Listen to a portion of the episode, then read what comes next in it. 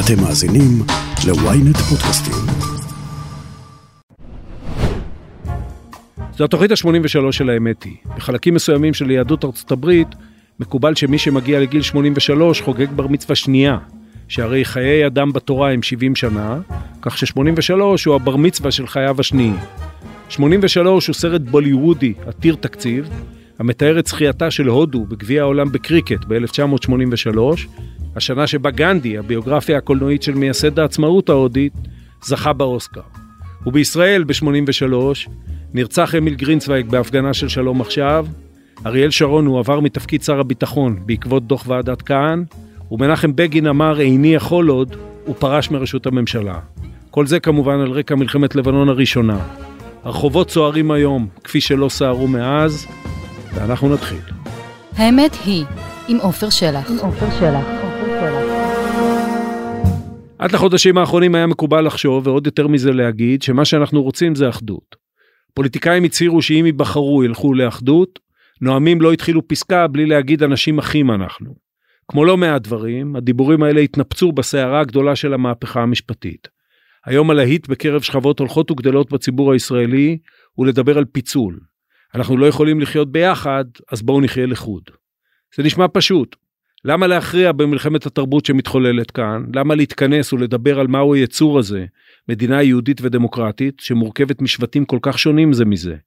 בואו במקום זה נחיה איש במקומו, איש באמונתו, איש על חשבונו ולפי ערכיו. דוקטור שגיא אלבז מלמד בחוג למדע המדינה באוניברסיטת תל אביב. את ספרו יציאת חירום, המציע להפוך את ישראל לפדרציה, הוא כתב עוד לפני שהתחוללה הסערה הנוכחית. נראה שמה שקרה מאז הקמת הממשלה רק מוכיח את צדקת הטיעון שלו. רק שמי שמסתכל על המציאות בעין מפוקחת, מתקשה לראות איך זה יקרה. שגיא אלבז, שלום. אהלן עופר. אה, חתיכת להיט זה נהיה הרעיון הפדרטיבי, לא? כן, תשמע, כשכתבתי את הספר, כשהתחלתי לכתוב את הספר בערך לפני כשנתיים, אז uh, מאוד uh, חששתי שהספר uh, ייתפס כקצת רדיקלי, קיצוני מדי, אולי אפילו הזוי, כי אף אחד לא דיבר באמת על הנושא של שינוי מבנה המשטר בישראל לפדרציה בעצם. ובמהלך uh, הזמן גם כתוצאה באמת uh, מהחיכוכים שהלכו והעמיקו uh, בחברה הישראלית ובעיקר הביטוי הבולט לזה זה כמובן המהפכה המשפטית של יריב לוין שזה בעצם מה שהוביל לגל המחאה הגדול שאנחנו עדים לו כבר uh, 17 uh, שבועות. וכתוצאה מזה האוזן הציבורית uh, הפכה להיות יותר ויותר uh, פתוחה לרעיונות שנוגעים uh, לפדרציה כמובן שיש הרבה מאוד מודלים סביב המילה הגדולה הזאת שנקראת פדרציה. אבל הרעיון כשלעצמו כלומר החלוקה של ישראל למחוזות uh, אוטונומיים על בסיס תפיסות ערכיות של רוב התושבים בכל uh, מחוז תחת ממשל פדרלי. זה משהו שמתחיל יותר ויותר אה, לחלחל וזה בעיקר אה, בא לידי ביטוי בהמון המון פניות שאני מקבל בבקשות להרצאות לאירועים לרעיונות כך שזה בהחלט משהו ש... אז בוא בוא לפני שכמובן נלך ונפרט ונפרק ונתווכח ונעשה את כל הדברים שעושים בוא נדבר רגע על מה שקורה. כי אתה יודע מתי ריבלין עשה את נאום השבטים? 2015. ותיאוריית השבטים בהקשר הפוליטי של בנימין נתניהו היא עוד מנתניהו הראשון, היא עוד מ-96, של מיוחסת לארתור פינקלשטיין. זאת אומרת בסוף זה לא איזה משהו חדש לישראלים שלא בטוח שאנחנו רוצים לחיות פה יחד, אה, או בוא נגיד להמשיך לחיות פה יחד כמו, ש, כמו שאנחנו חיים עד עכשיו, נכון? במידה רבה כן זה, ש... זה שישראל היא חברה שבטית אנחנו כבר uh, יודעים את זה מזה עשורים רבים ויש שיאמרו שיאמרו גם מאז בעצם שהמדינ... שמדינת ישראל uh, קמה. כמובן שבשנותיה הראשונות החברה הייתה הרבה יותר uh, הומוגנית אז זה פחות אולי uh, בא לידי ביטוי אבל בסוף שנות... לא יודע אם החברה באתוס היה הומוגני כי ב-1951 כבר uh, האנשים שהיו פה ב-48 הם כבר עממיות. הם המיעוט אבל האתוס הוא אתוס הומוגני. נכון אבל בהקשר זה כן כדאי להזכיר שלמשל העלייה מארצות ערב בעיקר ממדינות צפון אפריקה התחילה לקראת אמצע סוף שנות החמישים תחילת שנות השישים וזה בהחלט שינה את האופי ואת המבנה של הדמוגרפיה בישראל. תוסיף לזה כמובן את הריבוי הטבעי הגבוה של הקבוצות הדתיות יותר בעיקר חרדיות אבל גם חרד"ליות. ולמעשה הגענו למציאות שבה מה שלפחות נתפס כשבט החילוני ההגמוני הליברלי הוא כבר לא ממש רוב. גם אם מבחינת המספרים אה, עדיין החילונים הם קבוצת המיעוט הגדולה בישראל אבל חלקם באוכלוסייה בוודאי מסתכלים כמה שנים קדימה אה, ילך ויצטמצם. אבל פה אה, אתה יודע שוב אנחנו כשאנחנו מנסים לעשות את הגנאולוגיה של העניין אז אתה מסתכל ב-99 למשל כמה שינוי כן מה הסיסמה של שינוי, שינוי, יש לפיד לחילונים. Mm-hmm. זאת אומרת, זה כן פעם ראשונה אז, שזה אפילו יוצא במסגרת פוליטית, אז מן הסתם התודעה עוד קדמה לזה, שהסקטור הזה בחברה אומר, אנחנו כבר לא, אה, הבנו שאנחנו לא המיינסטרים, אז בוא לפחות נהיה סקטור. נכון על רקע התחזקות ש"ס באמת קמה וצמחה תנועת אה, שינוי של אה, של האבא לפיד של טומי לפיד והתחלנו באמת לראות את הניצנים של הקרעים ושל השסעים שאנחנו מדברים עליהם היום אבל אני חושב שהמינון וההבנה שהחילוקי הדעות הם כאלה שכמעט בלתי אפשרי ליישב אותם במבנה המשטרי הקיים שבו יש ממשל שהוא מאוד אה, ריכוזי שנתון להשפעות וללחץ מצד קבוצות סקטוריאליות מסוימות זה משהו שהתחיל לחלחל יותר ויותר אני מצביע על זה גם בספר בעיקר בשנת 2015 כש, כשנתניהו בעצם אה, זכה בפעם השלישית אה, בבחירות די בניגוד אה, לסקרים. והוא בעצם אה, אפשר אני מכנה אותו נתניהו האחר כבר בשנה הזאת אנחנו כולם כן. מסתכלים כן. שנתיים ושלוש אחורה או אפילו מאז סוף 2016 כשהתחילו החקירות הפליליות נגדו אבל אה, אני לפחות זיהיתי את השינויים אצל נתניהו. אה, מרגע שהוא ניצח את בוז'י הרצוג בבחירות 2015. למה למה דווקא שם כי הרי הוא מקים אז ממשלה שהיא פחות או יותר כמו הממשלה שהוא הקים ב2009 כן כשאת מקום מפלגת העבודה של אהוד ברק תופס כחלון. למרות שכחלון תמיד נטה להדגיש שהוא מייצג את הימין את הימין היותר שפוי ממלכתי. פה, הסיפור פה הוא לא ימין ושמאל. כן? כחלון למשל בהסכם הקואליציוני של 2015 אומר לא יהיו שום שינויים ביחס למערכת המשפט זאת אומרת בהיבט הזה נכון. הוא לגמרי במחנה הליברלי אז למה אתה אתה מסמן את זה דווקא שם. אמ, קודם כל אתה יכול אה, לראות שמיד אחרי שקמה הממשלה אה, מי האנשים שנתניהו מקרב אליו את מי הוא ממנה לשרים? הרבה מאוד אה, חברי כנסת בתחילת דרכם שהוא נמנע אפילו מלהיות בקשר גלוי איתם הם לפתע התקרבו אליו הוא כמובן קידם אותם באמצעות מתן תפקידים בכירים. אני בעיקר מדבר ואני מציין את זה גם בספר על חברי כנסת שמזוהים אה, עם, אה, עם אה, כנסת החברתיים מזרחיים יותר הציבור הדתי לאומי גם הוא קיבל תפקידים אידיאולוגיים מאוד משמעותיים אנחנו מדברים על, בל, על בנט גם גרסה האחרת הצעירה יותר של, של בנט שהיה שר חינוך. כן. באותה איילת שקד שרת המשפטים. איילת שקד שרת המשפטים ובהחלט נעשו שינויים. שגם מבחינת האידיאולוגיה גם מבחינת התוכן ובעיקר מבחינת ההתנהלות של ראש הממשלה שגרמו לי אה, לפחות אה, לזהות חלק מהמגמות שאנחנו עדים להן היום בצורה שהיא הרבה יותר בוטה ומוחשית. אז אני אה, רוצה, לא יודע אם להתווכח אבל להעלות את זה כי לפחות במה שאני אני מודה את הספר לא קראתי אבל הקשבתי בהכנה לזה לכמה פודקאסטים ושיחות אה, וקראתי רעיונות שלך mm-hmm. ואתה שם את, ה, את קו השבר על ענייני דת ומדינה כי הם גם כמובן השבר בין השקפת עולם ליברלית נגיד בין היהודית לדמוקרטית בשביל אה, לצורך השיחה שלנו. אה, ואני אטען שיש בזה התעלמות מזה שכל הסוגיה הזאת קשורה באופן ישיר לחלוטין גם לסוגיית הכיבוש בשטחים גם לסוגיית הוויכוח על ארץ ישראל לא?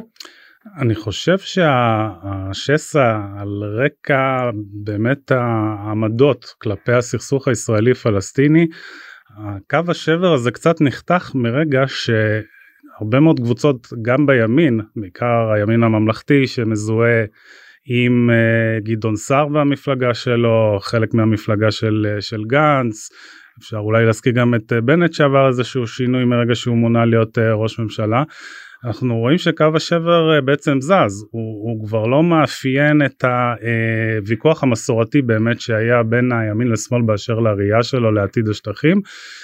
אלא למחלוקת ערכית משמעותית שלמעשה משפיעה על הצביון של המדינה כמו שאנחנו. אני אתן, אני אתן הפוך, לא, לא, ולא רק למען הטיעון.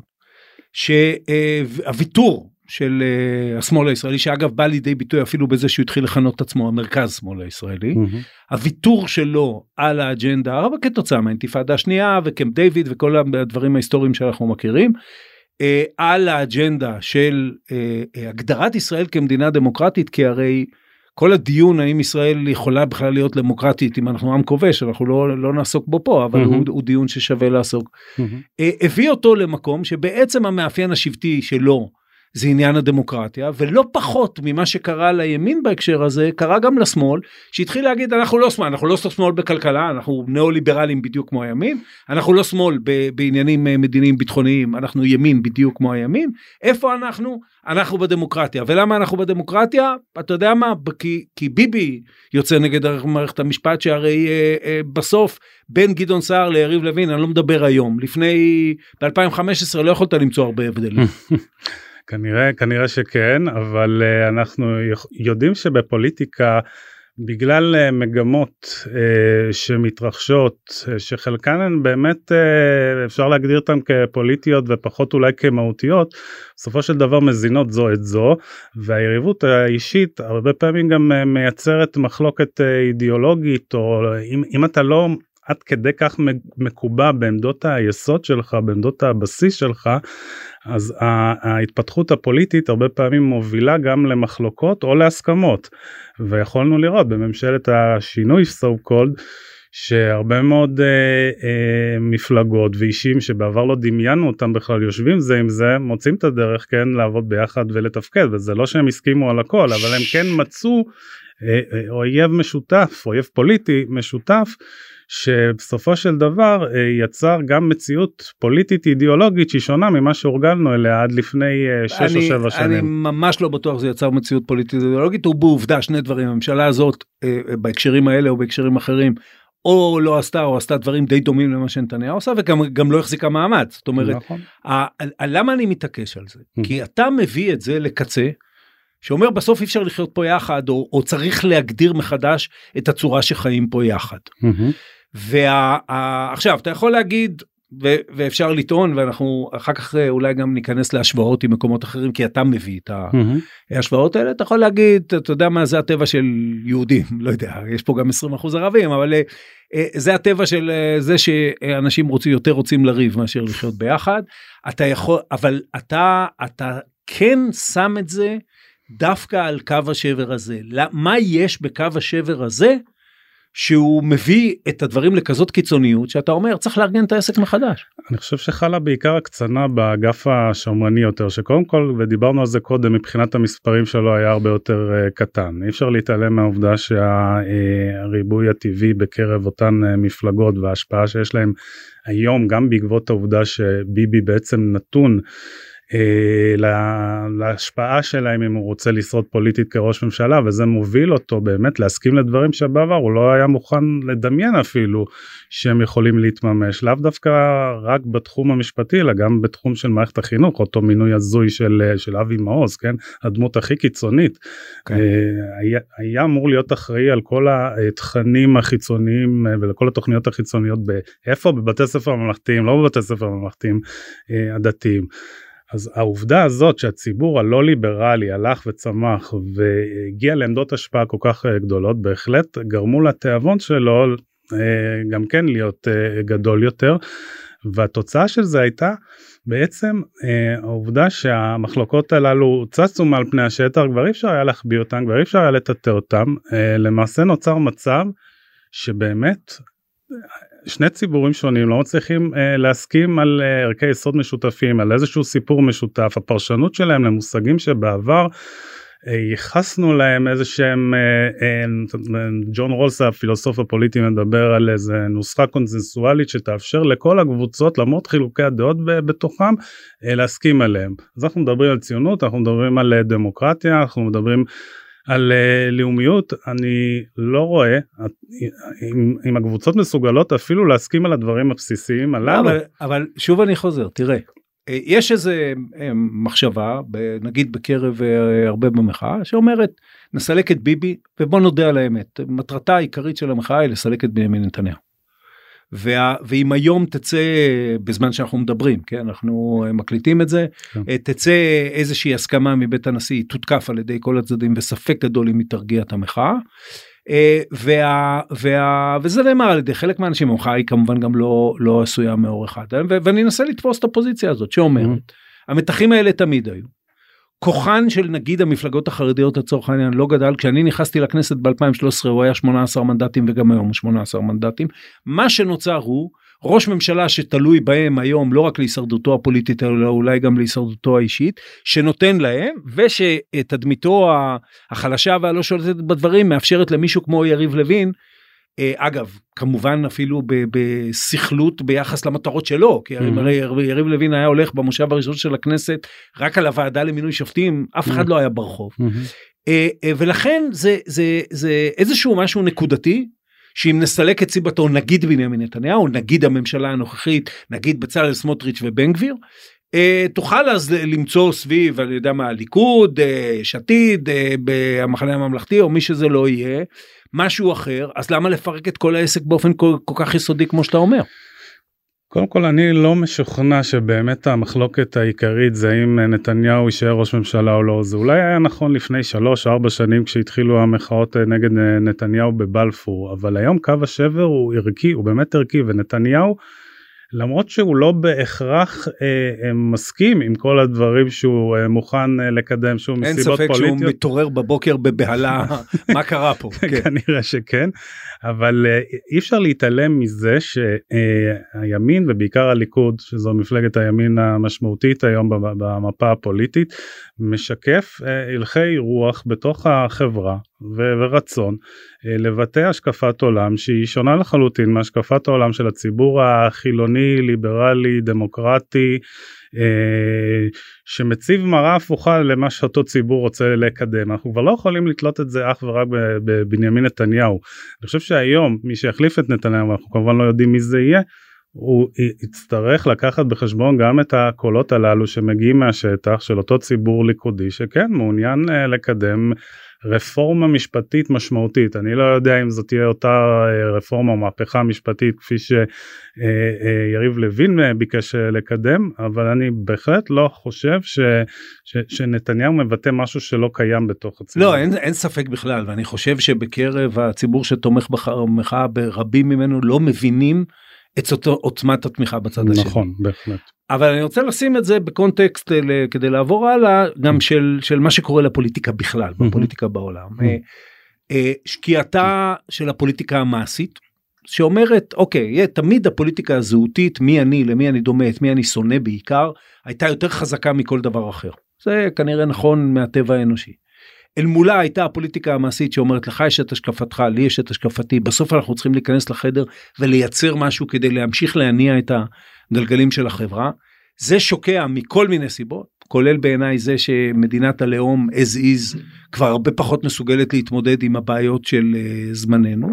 ואז אתה רואה את אה, טראמפ ואתה רואה ברקזיט ואתה רואה דברים בהרבה מאוד מקומות שאצלנו לבשו את, ה, את הכסות הנוכחית שאני מסכים איתך לחלוטין היא הרבה הרבה יותר עמוקה מאשר הוויכוח הטכני על פסקת ההתגברות. Mm-hmm. זה לא מביא מקומות אחרים למחשבות על פתרונות כמו שלך שתכף גם נעסוק כמה הוא מסובך במקום קטן וצפוף כמו ישראל. למה בישראל זה בלתי פתיר? אז, אז קודם כל אני נאלץ לחזור uh, מחדש לסיבה שבגינה אני חושב שהפתרון הזה הכרחי וזה נושא הדת. Uh, הדת uh, בישראל או הדת היהודית בכלל הדת האורתודוקסית שיש לה מונופול בישראל היא שונה מדתות uh, אחרות במובן הזה שלמשל בניגוד לנצרות זה לא דת אמונית זה דת שמבוססת על פולחן מאוד גדול שמשפיע על uh, צורת החיים שלנו על הלכי החיים שלנו כאן ב- ב- ביום יום כמעט בכל תחום שאתה יכול רק uh, לדמיין או לגעת בו. ומכיוון שהיום הקבוצות הדתיות השמרניות החרדיות לא מסתירות לא מהססות לומר שמטרתן במידה כזו או אחרת ואולי בצורה שהיא יותר הדרגתית מישהו קצת יותר מתון או מי שקצת מבין שאם הוא היום יצעק שמחר הולכת להיות כאן מדינת הלכה אז, אז באמת אה, כנראה שאולי אפילו תהיה פה איזושהי מלחמת אה, אזרחים פעילה ולא אתה באמת חושב שהחרדים רוצים פה מדינת הלכה הם אומרים את זה בצורה מאוד ברורה תשמע את פינדרוס מה הוא אומר אה, גם יש לי איזשהו קשר גם לחברי כנסת ששמעו ממנו את זה בצורה מאוד מפורשת בחלק מהמקרים הוא אומר את זה בצורה פומבית את אני יותר חושב שבצלאל סמוטריץ' רוצה פה מדינת הלכה. בדיוק באתי לומר גם כן. גם גם בצלאל סמוטריץ' שמייצג זרם שהולך וגדל גם דמוגרפית גם פוליטית. אנחנו uh, צריכים ושוב אני אגב לא מבטל את הרצונות האלה שלהם. כן. אני חושב שבמובן הזה התפיסה שלי היא מאוד מאוד ליברלית משום שאני חושב שבסופו של דבר פתרון פדרלי יכול גם לשרת את הקבוצות הללו. לא רק את החילונים זה נכון שאני בא מנקודת מבט חילונית של קבוצה שמעמדה הפוליטי הולך ופוחת אבל uh, אני חושב שבסוף זה משהו שיכול לשרת את כל הקבוצות ולא במקרה רוב המדינות המערביות המתקדמות בעולם יש בהן משטר פדרלי.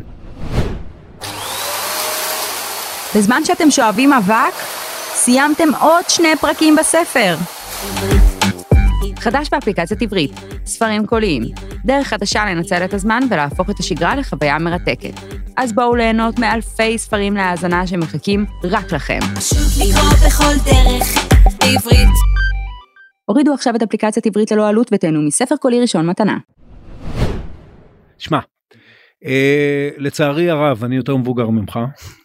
כשאני הייתי ילד ונער אה, לא היה שום בית עסק פתוח ביום שישי בערב לא היה תרבות ובידור לא היה קולנוע אני זוכר כשנפתח פעם ראשונה בתחילת שנות ה-70 קולנוע בתל אביב ביום שישי בערב ואחר כך היה קולנוע היכל בפתח תקווה שזה סיפור ידוע ראש העיר שם דוב תבורי הוריד סטירה למישהו אפרופו הוא יגיד לך והיה פה גם עשיתי פודקאסטים עם בצלאל סמוטריץ' ועם uh, חברי כנסת חרדים שהם uh, אני מיודד איתם. יגיד לך הפרהסיה הרי המאבק הוא על הפרהסיה אני בביתי אתה יכול לאכול שרצים ולבעול נידות או אתה יכול לאכול כשר ולשמור שבת uh, בקפדנות. הפרהסיה שלנו היא יותר חילונית מאי פעם אז על מה אתם מייללים?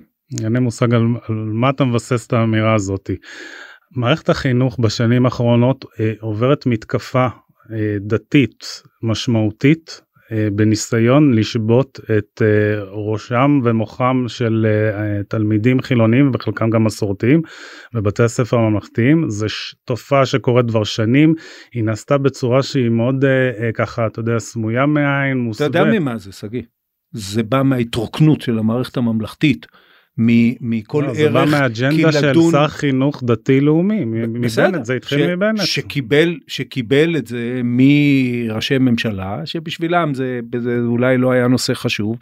זה, וזה בא בעיניי, כי אני שמתי לב לזה כמוך כבר אה, די הרבה זמן, אגב רוב זה על ידי גופים שהם חיצוניים למערכת נכון. זה גם בא מת, מתזות הפרטה של האוצר גם. אה, אה, שמקטינות את המערכת הממלכתית בכלל וזה בא מזה שהממלכה איבדה את, ה, את התוכן שלה ולכן אבל זה לא אומר אחד שזה מה שצריך להיות ואני אשאל אותך ככה האם יכול וצריך שיהיה אתוס ממלכתי מאחד לאנשים שחיים באותה מדינה ותהיה במסגרת פדרטיבית או בכל מסגרת אחרת. אני כמובן בעד השאלה אם אה, יש ערך כזה שעליו אה, יכולים אה, להישען או לפחות להסכים ברמה הבסיסית אני שואל אותך. מה הוא? אני לא אני לא חושב שיש ערך כזה כיום הפרשנות כן. אפילו לאותם ערכים שבעבר הסכמנו עליהם כמו ממלכתיות.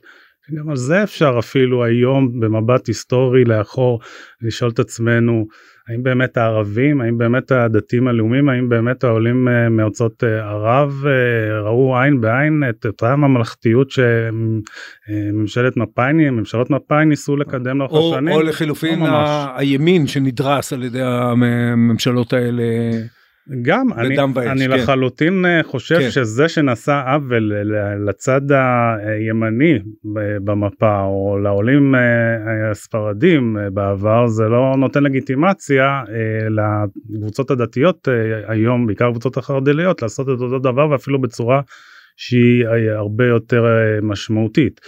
אז, אה, אז דיברנו על הנושא של מערכת החינוך. אתמול כן. במקרה העברתי הרצאה בצפון על נושא של הדתה בצבא. הצבא כן. של היום הוא צבא דתי פר אקסלנס, זה לא הצבא שאני שירתתי בו, לא רוצה לדבר בשמך כי אמרת שאתה יותר מבוגר ממני, אבל אני יכול להצביע לך על שורה של דברים שמתרחשים היום בצבא שלא התרחשו בתקופה שאני שירתתי. שוב, שוב אני אומר, אתה יודע זה קרה, למה זה קרה? אני יכול להתווכח איתך וזה זה כידוע תחום מסוג שלי כבר הרבה שנים mm-hmm. אבל אני באשר זה קרה זה קרה מפני ששכבות סוציו-אקונומיות מסוימות המזוהות עם מה שנקרא לו ישראל הראשונה לא במובן אבישי בן חיימי אבל לצורך הדיון שלנו mm-hmm. נטשו סוג מסוים של אה, שירות בעיקר שירות קרבי בעיקר בחטיבות החי"ר. אגב אתה רואה את זה בתמונת המראה של זה במי מוחה היום טייסים סייבר מ"מ וכן הלאה והלאה. אה, מה שפתח את הדלת לקבוצות אחרות שבאות ואומרות בצדק אנחנו סוחבות את האלונקה הזאת אנחנו גם נקבע לאן האלונקה הולכת. אבל האם המשמעות היא אם אתה אומר לי שאם זה ככה אז אולי לא צריך שיהיה צבא זאת אומרת אני מנסה להבין את ההיגיון שאומר במקום להילחם על הממלכתיות אני פשוט אוותר עליה.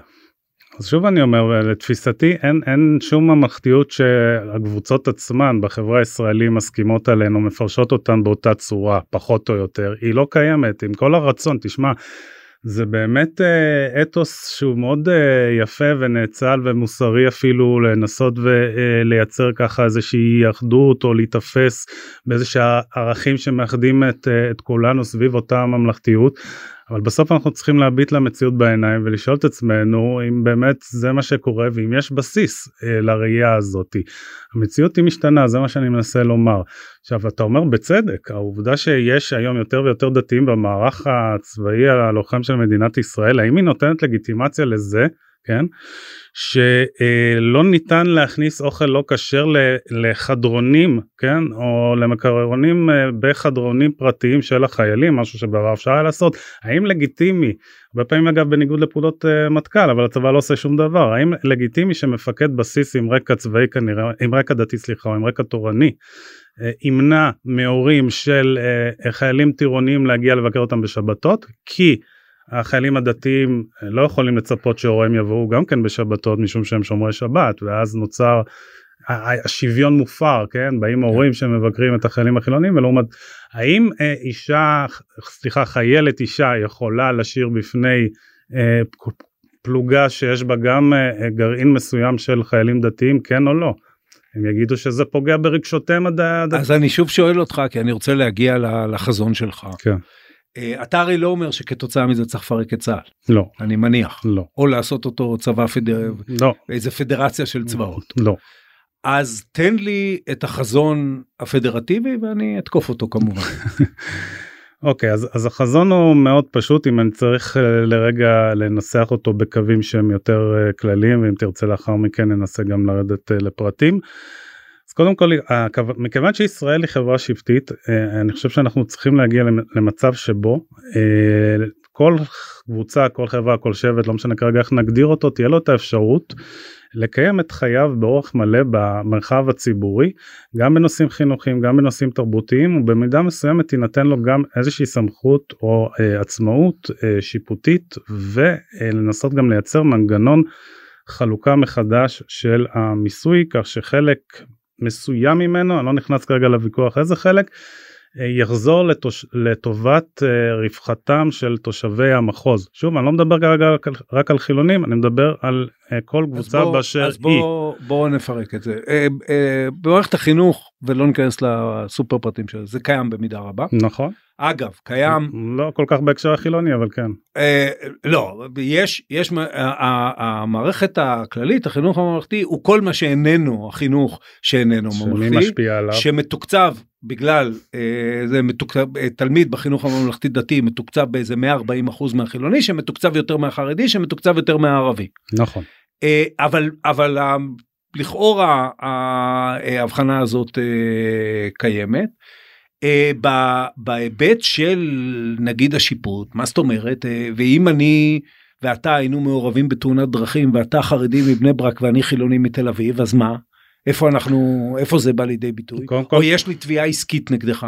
אז קודם כל לפני שאני אענה לך בעניין הזה אני פשוט uh, חייב כן להתייחס למה שאמרת לגבי נושא של מערכת החינוך שוב ואני אעשה את זה ממש בקצרה יש אוטונומיה מלאה. הן בבתי ספר הממלכתי, אה, סליחה, החרדים, בזרם העצמאי החרדי וגם כמובן לגבי הבתי ספר הממלכתיים הדתיים. ששם יש שומרי סף כן שמורכב שמורכבים בעצם מרבנים ומאנשי רוח דתיים שהם בעצם אלה שקובעים מי יהיו המורים ופחות או יותר מה יהיו התכנים. מסכים. זה לא קיים בבתי ספר הממלכתיים. נכון. אוקיי, אז אי אפשר להגיד שזה קיים בבתי ספר ממלכתיים, זה פשוט לא קיים. אין אוטונומיה שם. סגל, אני מקדים את המאוחר ואולי כן. אחר כך נחזור. זה כמו להגיד אה, המדינה לא יכולה, לא מצליחה להשתיל, להשליט חוק וסדר אצל הבדואים, 100% יהיה מחוז בדואי. בהחלט. כן? בהחלט, על בסיס ערכי, אני בכוונה לא רוצה לייצר חלוקה על בסיס גזעי או על בסיס אתני, כי אומרים כן. לי רגע, מה הערבים יקבלו מחוז משלהם? גם הערבים בתוכם הם מן הסתם אה, חברה שיש בה איזשהו מגוון נכון שהאלמנטים השמרניים והמסורתיים בחברה הזאת הם יותר דומיננטיים אבל אם יש אה, בתוכה קבוצה שהיא יותר אה, ליברלית והם יחליטו שיהיה נכון לייצר איזושהי חלוקה שתאפשר גם לציבור יותר חילוני ליברלי לנהל אורח חיים שהוא קצת שונה מאורח החיים של האוכלוסייה הבדואית השבטית אה, מאוד אז אדרבה ואדרבה. לא, אבל בוא, בוא נתמקד בבדואים כי זה, זה מאוד uh, פיזי. כן. כן? יש בערך רבע מיליון בדואים במשולש של 40, 25, 31 למי שלא יודע זה שמות של כבישים אוקיי. אה, אה, שמדינת ישראל איננה נוכחת שם ברמה שאתה יכול להגיד שכל הקנטונים האחרים זה בדיחה ליד זה. כן. אתה, אתה אומר זה יהיה קנטון עצמאי הוא ינהל את חייו כולל בהיבט השיפוטי זאת אומרת תהיה שם פוליגמיה יש שם אה, אה, כל הדברים שמקובלים כולל אי שפיטות של מערכת המשפט הישראלית כולל אין חוק וסדר ו, ומה זה יישאר שם זה אה, אה, איך זה יתכתב עם הדבר שנקרא מדינת ישראל. אז קודם כל אה, גם כתבתי על זה בספר שלממשל המרכזי לממשל הפדרלי מן הסתם תהיינה סמכויות בתחומים שנוגעים לחוץ וביטחון וביטחון פנים הם נושאים שקשורים לתשתיות ולפרויקטים שיתופים לא הולכים להיות גבולות או חומות שמפרידים. חומות שמפרידות בין בין הקבוצות השונות או בין המחוזים להפך אני חושב שזה יכול גם לעודד שיתוף פעולה אם כל שבט או כל קבוצה תרגיש שהיא תוכל לקיים את אורח החיים שלה מבלי שהיא תחוש מאוימת על ידי שבט אחר שמנסה לכפות עליה או לשנות את המרחב הציבורי שלה במובן שהוא לא יוכל אה, לקיים את אורח החיים שלו וזה יכול לבוא לידי ביטוי בכל התחומים שאנחנו אה, יכולים אה, לגעת בהם חינוך בעיניי זה. זה, זה לב הדבר כי בסוף אנחנו יודעים ש, שהחינוך אה, משפיע על ההתפתחות שלנו כ, כבני, כבני אדם והעובדה שאנחנו יכולים לחנך את הילדים שלנו בהתאם לסולם הערכים שלנו ולא בהתאם לשיקולים פוליטיים או רצון של אה, שר לכפות את אה, דעתו על קבוצה אחרת זה כשלעצמו מספק הצדקה אפילו מוסרית עוד לפני שאנחנו נכנסים לשיקולים הגדולים יותר המבניים יותר זה כשלעצמו משהו שכל כן, אחד צריך לתמוך ברור בו. לך ברור לך בטח בעולם הכלכלי של היום כן. שאי השוויון הוא הבעיה מספר אחת שלו במדינות הרבה יותר הומוגניות מאשר ישראל בגלל אה, ההתפתחויות הטכנולוגיות וכן הלאה. כן. שבסיטואציה הזאת הקנטונים העניים יהיו יותר עניים, ילדיהם יגדלו לתוך עולם של עוני ובערות, כי המעט שהממלכה עוד מצליחה להנחיל להם היום, או שלא יהיה אמצעים או שלא יהיה רצון כדי שזה יקרה. לא תהיה לו גם יכולת להיות שותף, עוד לא הגענו לכלל, למה שאתה אומר שהממלכה תצטרך לעשות. אני, אני לא מצליח להבין את, ה, את הוויביליות של העניין הזה, איך הדבר הזה מחזיק מעמד. אז, אז קודם כל צריך לקחת בחשבון שגם uh, בחלוקה כזאת, כן, שוב, שיהיה ברור, אני לא מדבר על פירוק של מדינת ישראל, אני מדבר על חלוקה מחדש כן. של, של, של המדינה במסגרת לאומיות שאני מכנה אותה כלאומיות יותר רכה ולא נוקשה או ריכוזית כפי שהיא uh, היום. אה, יכולים להתרחש כמה וכמה תהליכים. אה, קודם כל אמרתי גם בתחילת דבריי, יש אה, הרבה מאוד מודלים רדיקליים שבאים ואומרים שכל נושא התקצוב צריך להישאר ברמת המחוז. לא, אני בהחלט לוקח בחשבון שצריכה להיות גם איזושהי רגישות כלפי צרכים של קבוצות אחרות ובהחלט חלק מסוים.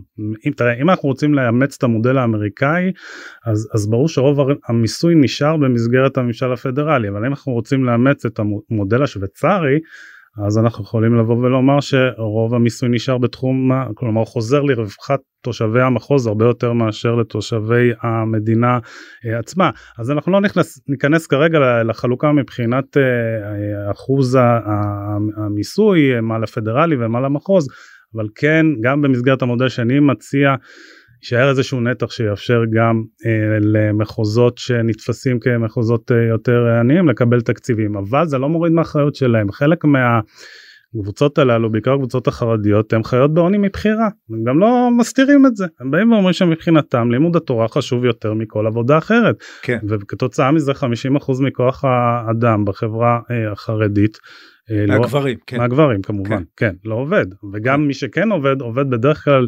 בעיסוקים אה, שהם לא ממש מתגמלים, או כחלק ממערך הכשרות ושירותי הדת המפלצתיים שהולכים וכמובן גדלים לא תמיד בהלימה למה שבאמת האזרחים צריכים. ואני חושב שהתהליכים האלה בסוף יעודדו אותם יותר ויותר לעבוד כי הם יצטרכו להיות יותר תלויים בעצמם זה נראה לי צורך אנושי וטבעי של אנשים להבין שאם אין איזה דוד ככה רחוק שדואג להם אז הם יצטרכו לקחת אה, אחריות אה, גם על החיים שלהם. מי, מי ואיך אה, יממן את הצבא את הביטחון וישרת בביטחון? אז קודם כל הציפייה שכל מחוז יתרום אה, גם לביטחון הלאומי אז שוב אנחנו יכולים הוויכוחים האלה הם מן הסתם רלוונטיים גם למבנה המשטרי הקיים כן. חלק מה. אה, גל המחאה הגדול ובזה אני מסכים דווקא עם הימין הוא לא כתוצאה מאותה הפיכה משטרית של אה, של יריב לוין אלא באמת זה אה, יצר מציאות שבה כל המתחים שהיו קצת אולי אה, רדומים הלכו וביעבעו ובאמת אה, אמת. יצאו מפני מפני השטח ולכן אנחנו uh, צריכים למצוא איזשהו הסדר כמובן בהסכמה אבל uh, גם להסכמה הזאת uh, מן הסתם יש איזה תוחלת תפוגה מסוימת. אחרי זה יוכל גם להיכנס לזה אם תרצה איך בכל זאת תהליכים יכולים להתרחש בהיעדר הסכמה כי הם כבר מתחילים בשטח uh, להתבצע. אה, אז אז כן בסוף אנחנו צריכים אה, להגיע לאיזושהי הבנה שבמסגרתה ואגב יש תתפלא יש חרדים שפונים אליי ותומכים לחלוטין בתוכניות שאני שאני מציע. אוקיי. Okay. חלקם גם מתוך אה, הבנה שזה יאפשר לקבוצה שלהם להיות יותר עצמאים להבין שגורלם תלוי גם בהם לא רק בתקציבים שמספ... שהמדינה או הממשל הפדרלי מספק להם. לא, אבל אני מנסה להבין יהיה נגיד גיוס חובה במודל. שוב אלה נושאים שצריך להעלות אותם לדיון. לא, בהנחה, בהנחה שמדינת ישראל כדי למצות הן את הכמות והן את האיכות שהיא צריכה להגנתה. מבחינה מוסרית אה, התשובה שלי כן מבחינה כן. פוליטית אני לא יודע להגיד איך לך. איך המדינה אבל... תאכוף אני לא רוצה להיכנס כן. לסוגיית הגיוס כן. אנחנו לא מדברים עכשיו. כן. איך המדינה תאכוף הפדרציה. שלילת תקציבים. אם, אם הם לא מוכנים או חלק מהם לא רוצה לדבר בהכללות לא מוכנים לקחת חלק אה, גם במנגנון החובות של המדינה אז חלק מהזכויות ייפגעו זה נראה לי מאוד uh, הגיוני ונכון. הפרלמנט של הפדרציה הזאת איך הוא יהיה מורכב? כמו ברוב הפדרציות אה, במדינות המערביות הוא היה מורכב משני בתים בית אחד שבאמת אה, משקף את אה, האוכלוסייה הכללית אולי בבחירות אולי שילוב של מנגנון של בחירות יחסיות עם בחירות אזוריות ובית נבחרים שני שיהיה בעצם ביטוי או ייצוג לכל הנציגים בכל מחוז בהתאם לבחירות שתתקיימנה שם ברור. כמו בגרמניה למשל. עכשיו שני דברים שבהם אנחנו אה, שונים מהמדינות שבהן מדובר אחת בגודל השטח mm-hmm. לא, כבר לא באוכלוסייה אנחנו אגב נכון. אנחנו עשרה מיליון איש זה מדינה בינונית באירופה mm-hmm. ושתיים זה בתרבות כי למשל כשנותנים את הדוגמה של שווייץ שאתה כן, נתת כן. המערכת הפוליטית בשווייץ היא, היא מרתקת mm-hmm. היא סופר היא מערכת שבילט אין בתוך המערכת חייבת להיות הסכמה על דברים כדי שהם יצאו לפועל. Mm-hmm. כן? חלק גדול בעיניי ממה שקרה ואני אומר את זה גם כמי שחי בתוך המערכת הזאת למשל חולשתה חולשתו הנוראית של הפרלמנט הישראלי שהוא בעיניי אני גם שונא את המילה מוחלש אבל הוא מוחלש על אמת בכוונה נובעת מתרבות ישראלית שהיא תרבות של המנצח לוקח הכל שבה ב-64 מנדטים מקריים לחלוטין אתה יכול לעשות מהפכה במשטר שבה יש משמעת קואליציונית כמו שבאין בשום מקום ומפעילים אותה על איזה אה, חוק של זיכוי של נקודה וחצי במס הכנסה ושהיא באה מחברה שככה רואה את הדברים וזה מה שהיא רוצה. אז איך בחברה הזאת פתרון טכני כזה או אחר יפתור משהו? קודם כל אני מסכים איתך לגבי הניתוח וזה אחת מהסיבות שבגלל אני חושב שצריך לייצר איזשהו שינוי במציאות הקיימת. העובדה שכל פעם באים ואומרים שזה קשה וזה אולי אפילו בלתי אפשרי אז אנחנו תמיד יכולים אה, להתעלות בכל מיני דברים שקרו בהיסטוריה ואפילו הציונית כשלעצמה זה סוג של פלא של של נס שהרצל כתב את uh, מדינת היהודים ב-1896. מישהו בכלל דמיין שהרעיון הזה יכול להתממש? ואחרי השואה אדרבה ואדרבה מספר היהודים שהיו כאן uh, כשהמדינה הזאת קמה היא בכלל יכולה לשרוד. כך שבסוף בסוף כשאתה מגיע אה, כשאתה מנתח את המציאות כפי שהיא היום ואני חושב שיש כבר איזושהי הסכמה גם אם לא על המודל עצמו אלא לפחות אה, אה, מגיעים למסקנה שהמציאות כפי שהיא כיום לא יכולה להימשך ולכן אנחנו צריכים לחשוב מה אנחנו עושים כדי לפתור אותה. אז, אז אמרתי חלק מהדברים אנחנו צריכים אה, אה, כן לשבת ולדבר עם הצד האחר ואני שוב אומר באמת יש אנשים מהצד האחר שבאים ופונים אליי ושואלים אותי אוקיי קבעת או הנחת איזה שהם יסודות או עקרונות אה, אה, למשטר פדרלי איך מממשים אותו איך, כן. איך הופכים אותו לוויאבילי אז אה, אז קודם כל מעודד לדעת שיש יותר ויותר אנשים שבאמת חושבים שהדבר הזה אפשרי ולצד באמת אה, ניסיון לשבת ולראות איך אנחנו פותרים את המחלוקות אה, שיש לנו באופן שכל צד יוכל בסוף ליהנות מהאוטונומיה שיש לו זה לא יבוא על חשבונו זה בעצם יאפשר לכל קבוצה לנהל את חייו בצורה כזאת. שאף צד לא ירגישו מאוים בעצם על ידי הצד אה, האחר. אני חושב שלצד זה צריך להתחיל לעשות אה, דברים שכשהם אה, מתקבעים בשטח הם כבר הופכים לסוג של גרעין של מציאות שאיתה כבר אתה צריך להתמודד. למשל. תסתכל מה קורה למשל עם פרויקט נעים בסופש שזה פרויקט שמאפשר לתושבים בת, בתל אביב, בגבעתיים, בקריית אונו, בהוד השרון, ברמת השרון, אה, לנסוע בתחבורה ציבורית בשבת בחינם על חשבון כן. העיריות. אני יכול גם להצביע למשל על, גם על תל אביב, גם על גבעתיים ולדעתי גם בכפר סבא, שמאפשרים לזוגות שלא יכולים להתחתן במסגרת אזרחית, בגלל החוק שמחייב כל זוג בישראל להתחתן במסגרת הרבנות, בעצם להירשם כזוג נשוי בעיריות וליהנות מכל מיני uh, הטבות uh, שקשורות לתשלום מיסים, ארנונה ומתן איזה ניקוד uh, כשרוצים לרכוש כל מיני שירותים בעירייה וכולי. יכולים להסתכל על מה שקורה בתל אביב מבחינת הצעדים החד צדדיים שהיא נקטה כבירת הליברליות והחילוניות בישראל, בישראל מעצם זה ש...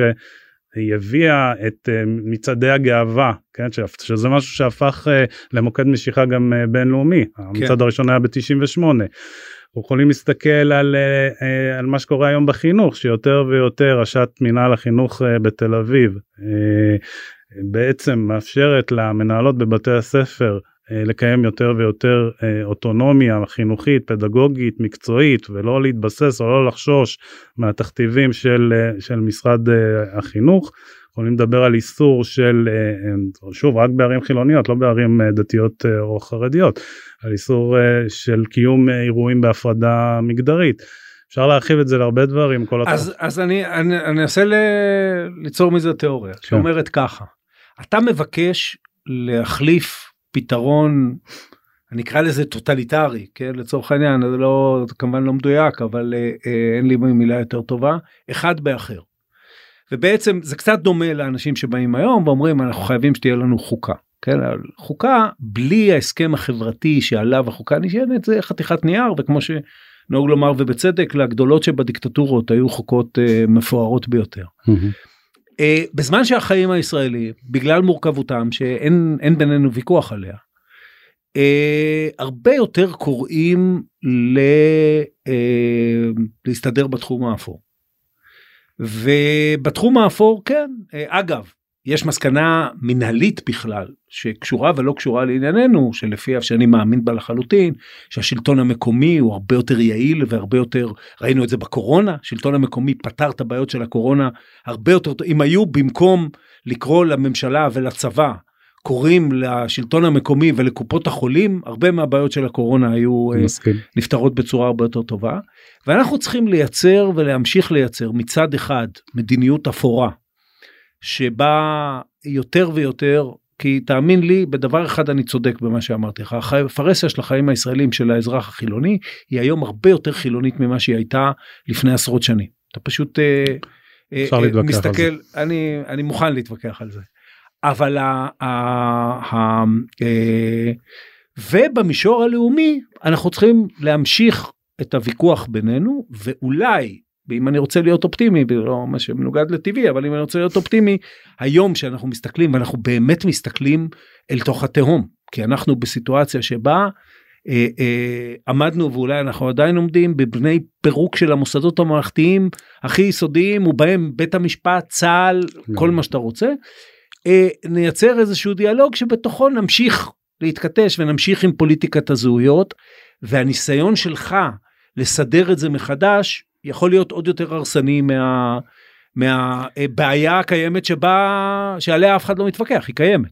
אני אגיד לך מה הבעיה לדעתי בטיעון שלך שאתה אה, מבסס חששות שהם אולי באמת אה, יש בהם גרעין אה, אה, נכון אה, אולי אפילו הגיוני לאור אה, היחסים שהתעצבו כאן אה, לאורך השנים אבל אלה חששות ואנחנו צריכים לבחון את הדברים. לעומת זאת אנחנו מתייחסים ואתה עצמך מדבר בלשון של לעמוד לפני תהום או אנחנו כבר אוטוטו בתהום ו- ו- ולמעשה אנחנו חברה שלא מסוגלת אה, אה, להסכים על, אה, על, על עצם אה, המוסדות אה, לראות בהם את אותם מוסדות אה, ממלכתיים ואנחנו לא מסוגלים להסכים על אה, ערכים כלומר המחלוקת הזאת היא נוגעת בשורש החיים שלנו לא רק אה, מבחינת התפיסות שלנו אלא מבחינת החיים שלנו כאן. וזו הסיבה שבגללה אני חושב שהמודלים אה, הפדרטיביים לפחות צריך אה, אה, לנסות כי הגענו כבר לנקודה שבה לא יכול להיות יותר גרוע ממה שמתרחש. תן לי לסיום תהליך אוקיי כן. אני ממנה אותך על הצער העליון. לא, אם אני אותך על הצער העליון הזה קל בתוך המציאות הישראלית הקיימת כן. תן לי את התהליך שזה קורה. אז, אה, אז קודם כל אה, צריך באמת אה, גם משפטנים, גם כלכלנים, גם דמוגרפים, גם גיאוגרפים, לשבת על המדוכה ולבנות מודל שהוא בהחלט מורכב כי הוא משנה כאן סדרי חיים. לצד זה אנחנו צריכים לקיים דיאלוג פוליטי. עם נציגי הקבוצות שהן מייצגות את כל, את כל השבטים שהראייה שלהם היא שונה זו מזו כדי לראות על מה אנחנו כן יכולים להסכים ואני אומר לך עופר יש על מה להסכים גם במסגרת מה שנתפס כרגע כאיזה שהם חילוקי דעות שצד אחד יכול להפסיד ממנו יותר מאשר הצד האחר כל הזמן באים ואומרים רגע חרדים נהנים מכל ממנעמי השלטון ובפועל יש להם כבר אוטונומיה. כן, אתה יודע שגיא אפילו לא אמרנו ב-46 דקות אמרנו אולי שלוש פעמים את המילה ערבים שברגע שאתה מגיע אליהם ולאוטונומיה שלהם. Mm-hmm. הוא פתחת פה תיבת פנדורה במדינת ישראל אבל תמשיך עם התהליך. אוקיי okay, אז אז אה, שאגב גם הערבים אה, שותפים לו ו, ואין ספק ש, שמנסור עבאס מייצג את הרצון הזה להגיע לאיזושהי הסכמה אזרחית אם לרגע נשים את הבעיה הלאומית וקשה להתעלם מהבעיה הזאתי אה, בצד. כך שבסוף אה, מתנהלים במקביל שני תהליכים תה, תהליך אחד שבו אתה אה, יושב ומייצר את המודל הזה בצורה שהיא מאוד מפורטת עם אה, באמת להגיע ו, ו, ולנסות ו, ולפתור את כל הנושא של חלוקה מחדש של המיסוי זה, זה אומר מדיניות מוניטרית ופיזיקלית שונה צריך לעצב. סוג של אה, חוקה לכל מחוז קודם דיברת על זה שבאמת אנחנו לא יכולים להסכים על אה, מחוז שיהיה משותף לכולם שזה חלק מהבעיה כי אנחנו לא מצליחים להסכים על שום דבר ואין לנו שום ערכי יסוד שאנחנו יכולים להתבסס עליהם אז בסוף בסוף אנחנו צריכים אה, לעצב את אותה חוקה ברמת המחוז כאשר כל אה, נציגות של כל אה, מחוז בעצם תצטרך להגדיר לעצמה מה מבחינתה הוא אה, כמובן חשוב ועקרוני. אה, לצד זה כפי שכבר קיים בפועל אה, אוטונומיה גם בקרב הציבור הדתי לאומי וגם בקרב החרדים אין שום סיבה שדברים לא יתממשו יתרשו במקביל מבלי שאנחנו משפיעים או משנים סדרי עולם בקרב החיים של הקבוצות האחרות ימשיכו אה, להתקיים ונתנו כל מיני דוגמאות קודם לכן. עכשיו שוב אף אחד לא בא ואומר שהתהליכים האלה יקרו מהיום למחר אה, שהתהליכים האלה הם פשוטים שהם לא יעוררו אה, כעסים ומחלוקות ואולי אפילו נגיע לאיזשהו פיצוץ אני פשוט חושב שאנחנו כבר על סף פיצוץ כאילו החברה הישראלית באמת אם כבר מפורקת זה לא אנחנו כבר לא מנהלים איזשהו דיון אקדמי מה יקרה עם א' ב' ג' אנחנו כבר שם. אתה כן. יכול uh, לשמוע את השיח אתה יכול לראות באמת את ההפגנות שמתקיימות ואת הביטויים האלימים של זה שזה ילך לדעתי ורק יקצין עם ביבי או בלי ביבי. Uh, ולכן צריך להתחיל מעכשיו להיערך לזה מעכשיו ובעיקר לשכנע את הצד השני שהדברים נעשים גם לטובתו לא על חשבונו. זה, זה, זה משהו שאני כל הזמן ברמת השיח חשוב, חשוב לי להדגיש אותו. טוב אני הצד השני כנציג הצד השני אני אומר לך אל תחליט מהי טובתי אבל זה מחזיר אותנו כמובן הישר הישר לפוליטיקת הזהויות הישראלית שגיא אלבס תודה רבה. תודה עופר. עד כאן עוד פרק של האמת היא. אתם מוזמנים לעקוב אחרינו בוויינט רדיו באפליקציה, בנייד, ברכב, או איפה שאתם שומעים את הפודקאסטים שלכם. אם זה קורה באפל או ספוטיפיי, אתם מוזמנים גם לדרג אותנו. עורך הפודקאסטים הוא רון טוביה, בצוות גיא סלם ועמיתי אלוני, אני עופר שלח, להתראות.